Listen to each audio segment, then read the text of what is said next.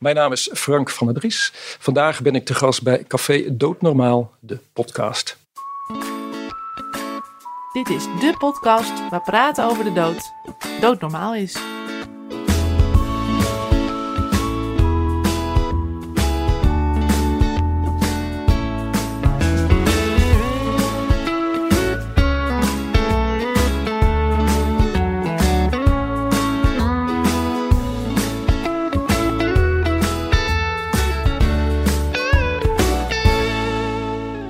Vanuit de hoofdstad van Nederland heet ik je welkom bij weer een nieuwe aflevering van Café Doodnormaal, de podcast.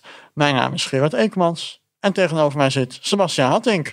Sebastiaan, waar gaan we deze aflevering over hebben? Nou, eerder hebben we gesproken met Gerard Baltus van het adviescentrum van de NVVJ over hulp, advies en ondersteuning die de NVVJ geeft aan leden. Maar er zijn natuurlijk nog meer organisaties die informatie en advies geven over het zelfgekozen levenseinde. Een van deze organisaties is Stichting Levenseinde Counseling. En in deze aflevering gaan we het hebben over deze stichting.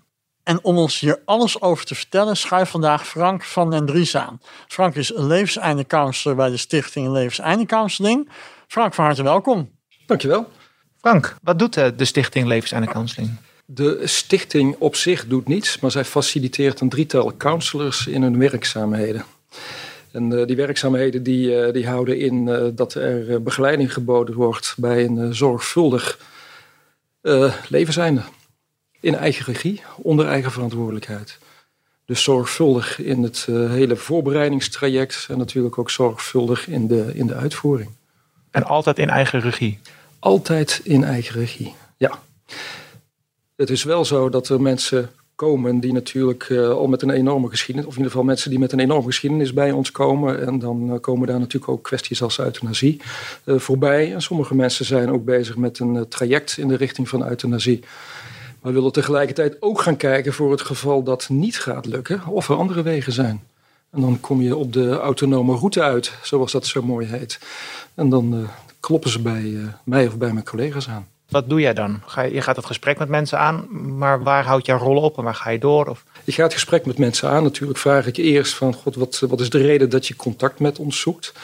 En uh, goed, dus in het begin wordt wel duidelijk dat er een diversiteit aan vragen eigenlijk is. En die diversiteit die valt denk ik het beste te omschrijven in twee sporen. Enerzijds mensen die uh, voor zichzelf al helemaal duidelijk hebben van dit is wat ik wil. En ik wil die voorbereiding gaan treffen. Ofwel voor nu op korte termijn of voor iets op langere termijn.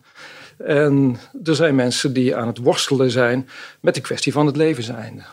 En dan het levenseinde specifiek van moet ik zelf hier nu een grens gaan trekken en mijn leven gaan beëindigen.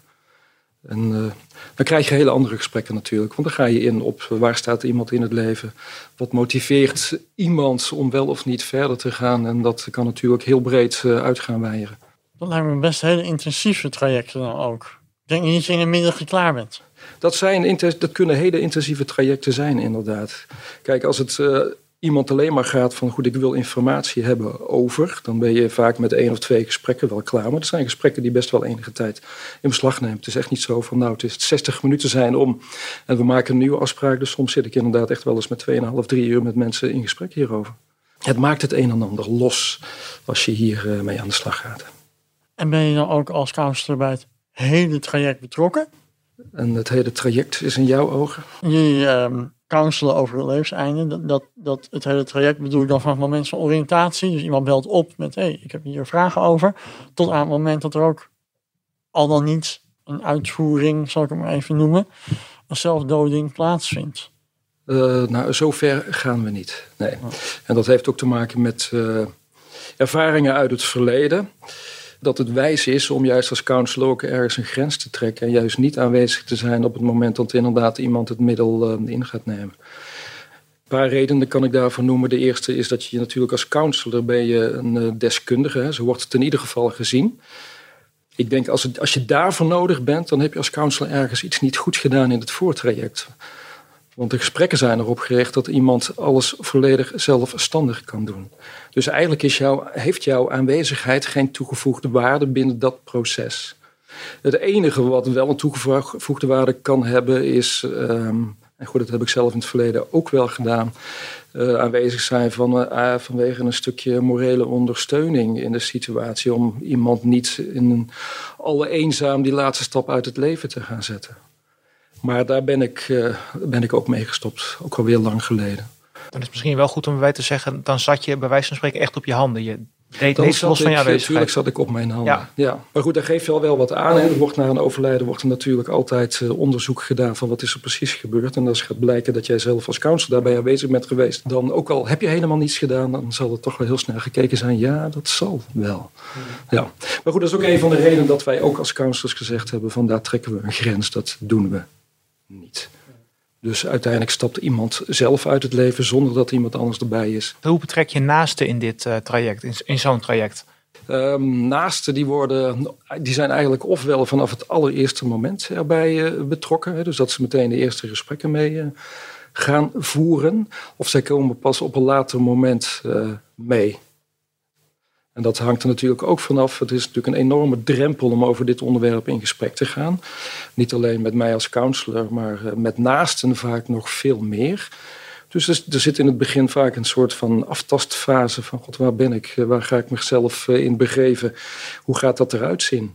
En als blijkt dat binnen het traject wat iemand voor zichzelf ingeslagen is, dat er ook naasten bij betrokken zijn. Bijvoorbeeld ouders die weten dat kinderen hiermee bezig zijn, of kinderen die weten dat ouders hiermee bezig zijn dan uh, zijn ze van harte uitgenodigd om bij, bij gesprekken aanwezig te zijn.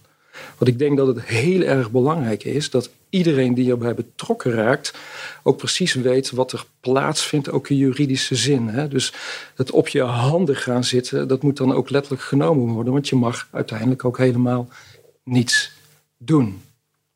Geen deuren open houden, geen pillen uit een uh, strip duwen of een flesje openmaken, uh, bed openslaan als iemand daarin gaat sterven, kussen opschudden. Uiteindelijk is alles wel te zien als een stukje strafbaarheid in het proces of in de weg naar het leven zijnde.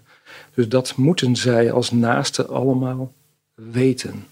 En daar kunnen jullie ook over informeren? We hebben zoveel praktijkervaring door de, door de jaren opgedaan dat we daar zeker over kunnen informeren. Ja. En ervaar je wel eens weerstand van naasten? Je zegt net kinderen van hun ouders, dat is nou, vaak worden die wel redelijk meegenomen, lijkt mij. Maar andersom, ouders informeren over, een, over dit soort gesprekken met hun kinderen. Ja. Dat lijkt me nogal ingewikkeld. En ik kan me voorstellen dat daar weerstand uh, ontstaat. Of is. Ja, maar goed, de, iedere situatie, iedere context is anders. En wij zien eigenlijk Zeker als het dan over wat jongeren gaat, want ik denk dat je daarop wijst. Er liggen al uh, enorme geschiedenissen, die, die liggen er al. Er zijn al zoveel dingen geprobeerd en gedaan. gesprekken gevoerd, therapieën gevolgd. Hè, als we het over een stukje psychiatrie hebben. Of mensen met uh, psychische problemen. Dat in dat soort trajecten, ouders en naasten, dat kan voor broers en zussen natuurlijk ook gelden. Dat die allemaal toch al wel op de hoogte zijn van. En vaak is er al eens een keer een poging gedaan of iets geprobeerd. Waardoor de naaste omgeving gealarmeerd is in eerste instantie en in tweede instantie gaat zien van oké, dus zo staat het ervoor, zo ervaar jij je leven. Gaan wij nu in de contramine en ons verzetten of gaan we kijken samen wat voor jou het beste in deze is? En wat voor die persoon zelf natuurlijk het allerbeste is. En kunnen jullie daar ook een bemiddelende rol in spelen of gaat dat ook weer over jullie eigen grenzen heen? Nou ja, God, bemiddelend in welke zin dan? Het gesprek stimuleren. En als dat niet op gang komt, misschien toch proberen de partijen toch met elkaar te verbinden. Nou, dat gebeurt alleen maar als de, de cliënt, hè, want dat is uh, natuurlijk de belangrijkste persoon in dit hele proces, uh, toestemming geeft daarvoor. Dus daar ligt altijd het beginpunt. Maar bemiddelen is dan inderdaad dat je een systeemgesprek hebt waar je met meerdere om de tafel zit en waar iedereen zijn zegje kan doen. Ja, om het zo formeel uit te drukken. En dat zijn natuurlijk best wel pittige gesprekken waar nog wat emoties voorbij gaan komen. En stimuleren jullie bij de cliënt, zoals je het zelf noemt, ook echt om dat gesprek met je naaste aan te gaan? Of ligt dat helemaal bij de cliënt zelf? We stimuleren het in de zin van denk er goed over na. En het kan voordelen hebben, zeker voor de rouw die er gaat komen na het overlijden. Maar daar houdt het bij op. Wij dwingen onze cliënten helemaal nergens toe.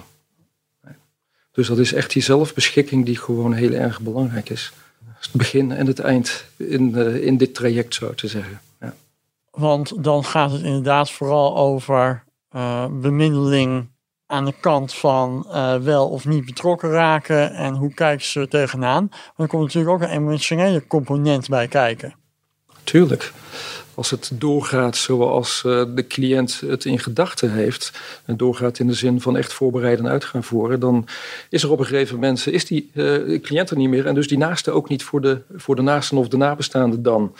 En uh, buiten het feit dat men natuurlijk juridisch heel goed moet weten wat er allemaal wel kan hieromtrent, zit er natuurlijk ook een enorme emotionele laag bij. En dat is iets wat ik ook altijd zeg tegen degene of de familieleden die erbij komen. Besef wel heel erg goed waar je nu bij betrokken raakt. Je kunt meebewegen binnen het lijden van, uh, van je naaste. Maar er komt ook een moment dat je uh, hem of haar los moet gaan laten. En sta je er dan nog achter? Hè? Dat, je dat, dat je stukje begeleiding meegedaan hebt, emotionele begeleiding hierin. En goed, dat zie ik dan ook, want ik heb contact met mensen nadien. We krijgen heel veel feedback van, van ook van naasten die hierbij betrokken zijn. Vandaar dat we ook weten wat er gebeurt in de praktijk. En dan liggen er toch altijd pittige emoties op tafel. Dus men heeft wel begrip waarom de stap gezet is. Maar men zit toch ook met de gedachte van... God, had het wel gemoeten? Had het niet anders gekund? Hebben we niks over het hoofd gezien? En dan kom je in de, de categorie van de schuldgevoelens terecht. Van de zelfverwijten.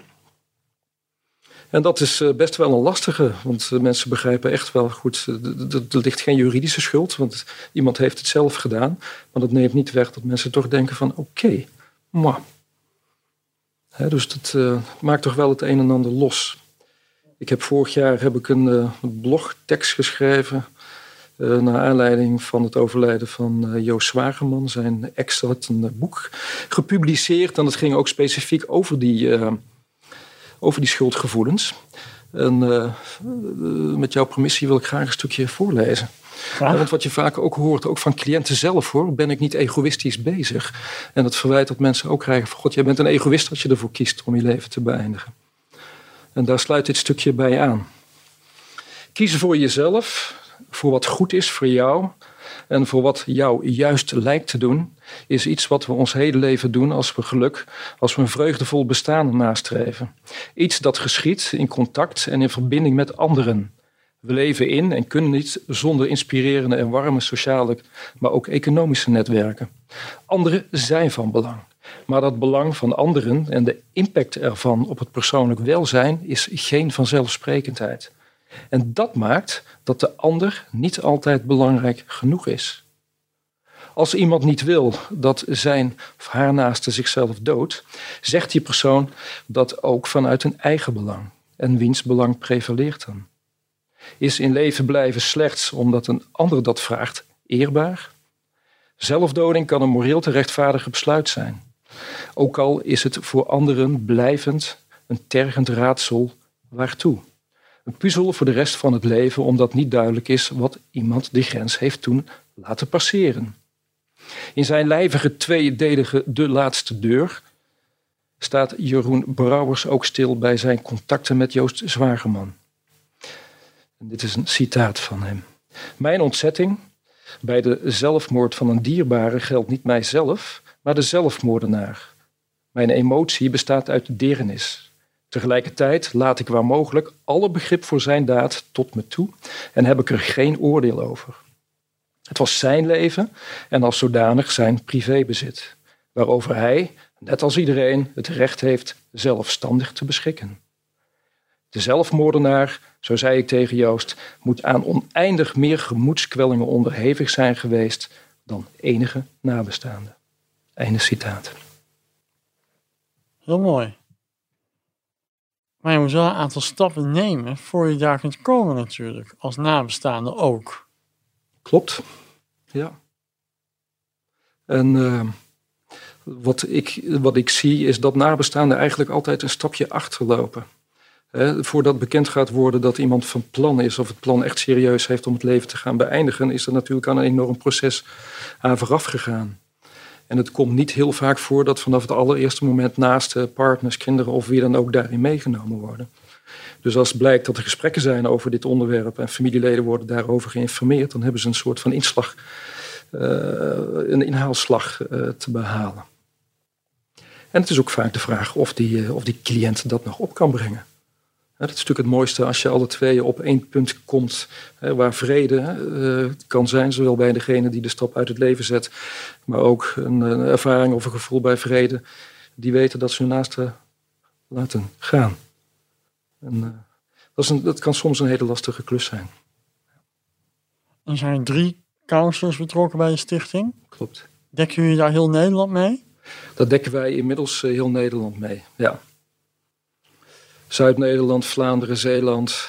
En een collega zit meer in, uh, in West-Nederland en een andere in Oost, Oost-Noord. Dat lijkt me best uh, intensief met, met drie mensen heel Nederland. Ja, maar dan ga je ervan uit dat wij wekelijks een enorme caseload uh, op onze schoot krijgen. En dat is niet zo. Dus het is te overzien. Oké. Okay. Hoeveel aanvragen krijgen we hier binnen? Um, het is minder dan het in het verleden is geweest. En ik denk als ik even kijk naar mijn eigen praktijk, ik kan niet zo goed oordelen over mijn collega's, momenteel onge ongeveer gemiddeld één. En een aantal jaren geleden waren de vragen wat hoger. Dan lag het echt twee à drie keer uh, per week dat mensen wel contact zochten en een afspraak wilden maken. Dus in dat opzicht is het wat rustiger geworden. En is het inderdaad ook met drieën goed te doen voor, uh, voor Nederland. Ja, dat klinkt overzichtelijk inderdaad.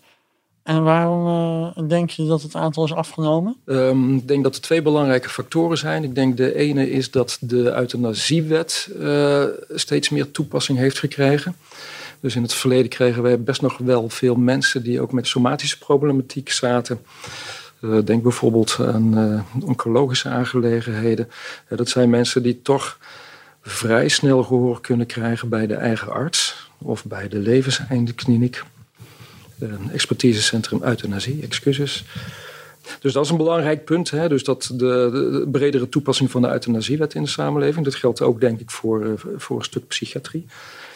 Um, en anderzijds, we hebben natuurlijk sinds 2013 ook coöperatie Laatste Wil. Ik denk dat daar wel een hele grote stroom mensen naartoe is gegaan die anders op ons pad terecht zou zijn gekomen. Dus die hebben een prachtig beeld gekregen van de coöperatie gaat het regelen voor jullie. En dat heeft leden getrokken. En natuurlijk 2017, toen zij met middel X naar buiten kwamen. Als het, uh, ja, hoe zal ik het omschrijven? Als de oplossing voor alles en ook nog legaal. Dat heeft natuurlijk nog meer leden naar de coöperatie getrokken. Momenteel zien we een verschil. Het is, het is wat drukker aan het worden. De coöperatie heeft aangegeven dat ze iets minder uh, actief wilden zijn op een aantal fronten, onder andere met de huiskamergesprekken. En uh, dat merken wij wel. Want je noemt het net al, de euthanasiepraktijk in Nederland. Wat, wat is jouw persoonlijke mening over de euthanasiepraktijk in Nederland? Toen de wet in 2002 van kracht ging, toen was ik daar best wel redelijk positief over. Ja, ik denk, god, dat is een mooie oplossing voor heel veel mensen om stervenshulp te krijgen in situaties waarin uh, de nood uh, hoog is om die hulp ook te krijgen. Um, ik denk dat door de jaren heen is er natuurlijk een wat ruimere interpretatie ontstaan, ook in de richting van psychiatrie, uh, rondom dementie natuurlijk ook redelijk recent dat er ook wat soepeler gekeken wordt, bijvoorbeeld naar de wilsverklaring. Um, zo soepel zelfs dat het uh, wat kan gaan afwijken wat iemand in eerste instantie misschien bedoeld heeft uh, neer te schrijven. En dan denk ik van oké, dat gaat een kant uit. Hè. Dat is dan het spreekwoordelijk uh, hellend vlak, waar diverse partijen ook voor waarschuwen. Um, ik ben daar niet zo enthousiast over dat het zo breed, steeds breder geïnterpreteerd gaat worden om zeg maar die hulp dan uiteindelijk te krijgen. Maar wat mij zelf het meest hier aan stoort, en dat heeft natuurlijk ook rechtstreeks te maken met mijn werk als counselor voor Stichting Levenseinde Counseling, is wij gaan natuurlijk uit van zelfbeschikking. En wat is een reden dat mensen niet in eerste instantie gaan kijken of ze zelf hun leven kunnen gaan beëindigen, maar dat ze eigenlijk vrij snel bij artsen aan gaan kloppen om hulp te krijgen. En ik denk van ja, god, waarom moet je een ander gaan belasten? Nog even afgezien van de situatie waarin de, waaruit de vraag gesteld wordt. Waarom moet je een ander gaan belasten als je het uh, eventueel ook zelf kunt gaan organiseren? Dat geldt voor een hele hoop aandoeningen in mijn ogen en zeker ook voor, uh, voor de psychiatrie. Maar toch is, zijn vaak, als mensen het uh, zelf willen organiseren, zijn ze vaak wel gebonden aan manieren die niet helemaal legaal zijn. Ja, en dan is mijn antwoord, is dat erg? Zou jij uh, een, een, laatste wilpil, die is er niet, die bestaat niet, maar zie je daar een toekomst in? Ik zie daar geen toekomst in. En ik uh, onderschrijf het streven van de coöperatie om legaal iets voor elkaar te krijgen. En deze discussie sluit natuurlijk ook aan bij hulp bij zelfdoding, waar D66 allerlei mooie plannen voor gemaakt heeft. Maar ik zie het niet zo snel gebeuren. Dus daar zit enige sceptisch. Als je ziet hoeveel er gediscussieerd wordt de afgelopen 15, 20 jaar al, ook over dit stukje, vrees ik dat daar uh, niet heel veel beweging in gaat komen. En misschien is dat ook maar goed ook, want ik ben wel van mening dat als er gekeken gaat worden van hoe dan ergens een legale laatste wilpil ter beschikking uh, gaat komen, dat je dan toch altijd weer komt binnen bepaalde wetgeving die restrictief is. Dus als die zelfbeschikking belangrijk is, en dat geldt voor de coöperatie en dat geldt voor ons natuurlijk ook, dan is dat leidend. Die eigen regie voor jezelf uit kunnen maken op welk moment je er wel of juist niet gebruik van zou willen maken.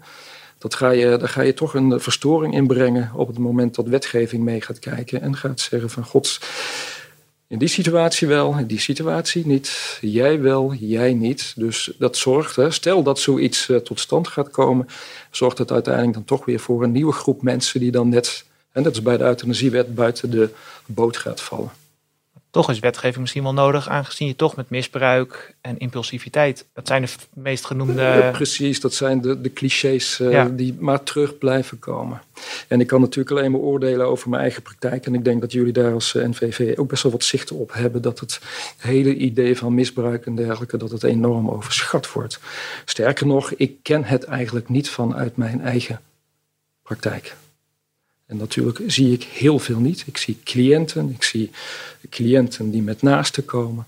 Maar wat er verder gebeurt als mensen goed geïnformeerd zijn, ja, goed, daar heb ik verder geen zicht op. Maar dat zijn natuurlijk mensen die al met het hele idee naar jou toe komen om over het levenseinde te praten en daar waarschijnlijk uiteindelijk naartoe te bewegen. Mm Maar als er een uh, ongecontroleerd middel beschikbaar komt, mm dan zijn er dus ook mensen die daar de beschikking over krijgen die misschien niet zo bewust met het levenseinde al bezig zijn, erover na hebben gedacht, gesprekken over hebben gevoerd?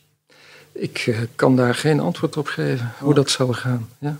En er zijn natuurlijk heel veel middelen die niet gecontroleerd worden. Ik bedoel, er zijn denk ik enkele honderden, wat is het, 250 tot 400 volgens mij per jaar op basis van een aantal inschattingen die in het verleden gedaan zijn. Uh, van mensen die op deze manier, hè, dus uh, zorgvuldig uh, zelf voorbereid, de stappen uit het leven zetten. Het merendeel van iedereen die door zelfdoding om het leven komt, hè, dat zijn de cijfers van het CBS, dat gaat vaak toch wel op een hele andere manier. En daar is, daar is ook geen controle over. Hè. Ik bedoel, niemand houdt de trein tegen als je daarvoor wil springen.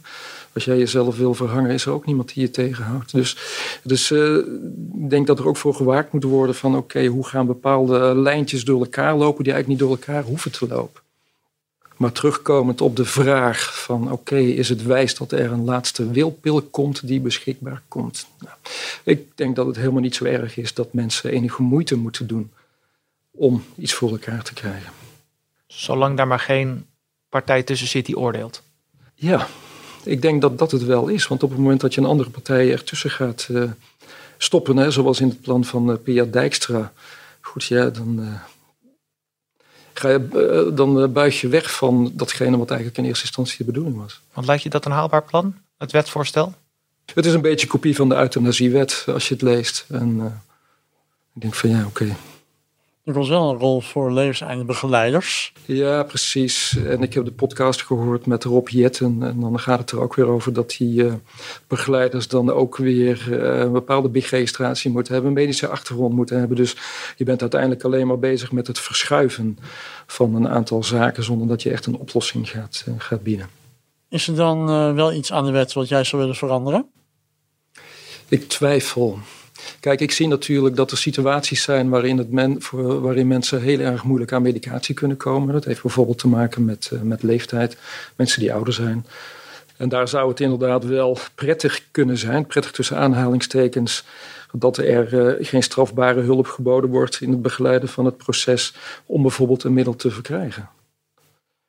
Dus dat is eh, in de meest ideale zin zou dat, eh, zou dat in mijn ogen wel mogen. Waarom zou ik niet aan jou bijvoorbeeld mogen vragen: wil jij mij helpen? En als je daar vrijwillig, uh, als je daar vrijwillig ja tegen zegt, oké, wat is daarop tegen?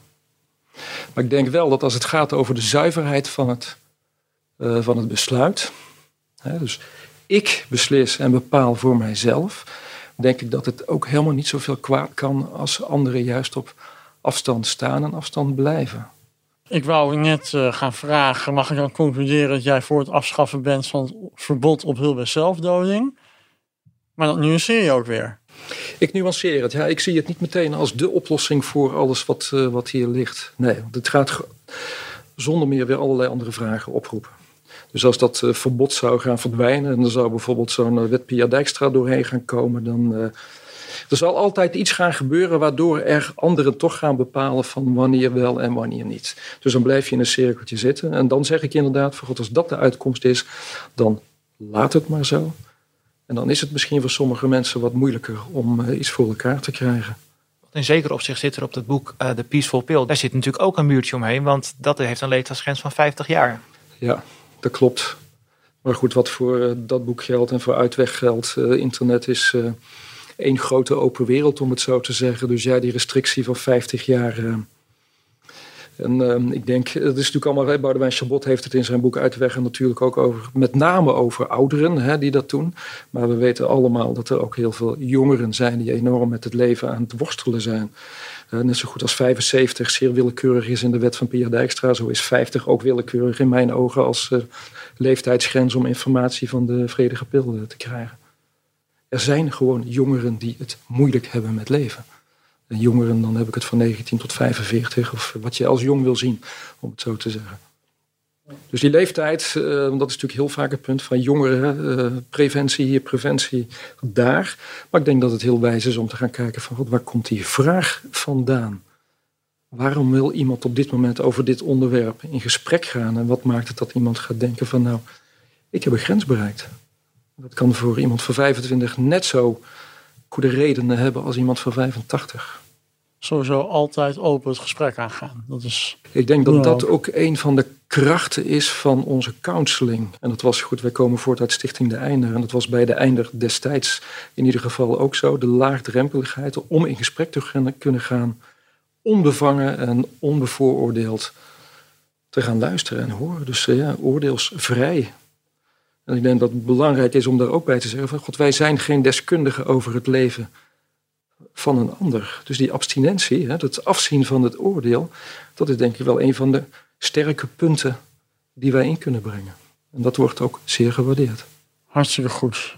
Dank voor je komst naar de studio en voor het beantwoorden van onze vragen. Graag gedaan. Dit was het weer voor deze aflevering van Café Dood Normaal, de podcast. Volgende week zaterdag staat er weer een nieuwe aflevering voor je klaar in jouw favoriete podcast-app. Voor nu bedankt voor het luisteren en wil je nou geen aflevering missen, vergeet je dan niet te abonneren. Dan krijg je automatisch een melding als er een nieuwe aflevering voor je klaar staat. En vond je het nou interessant om deze podcast te luisteren? Laat dan vooral een beoordeling achter. En mocht je vragen hebben naar aanleiding van deze podcast of opmerkingen willen mailen, dan kun je die sturen naar jongeren.nvve.nl. En als laatste willen we nog de NVVE bedanken voor het mede mogelijk maken van deze podcast. En zeggen we graag tot volgende aflevering.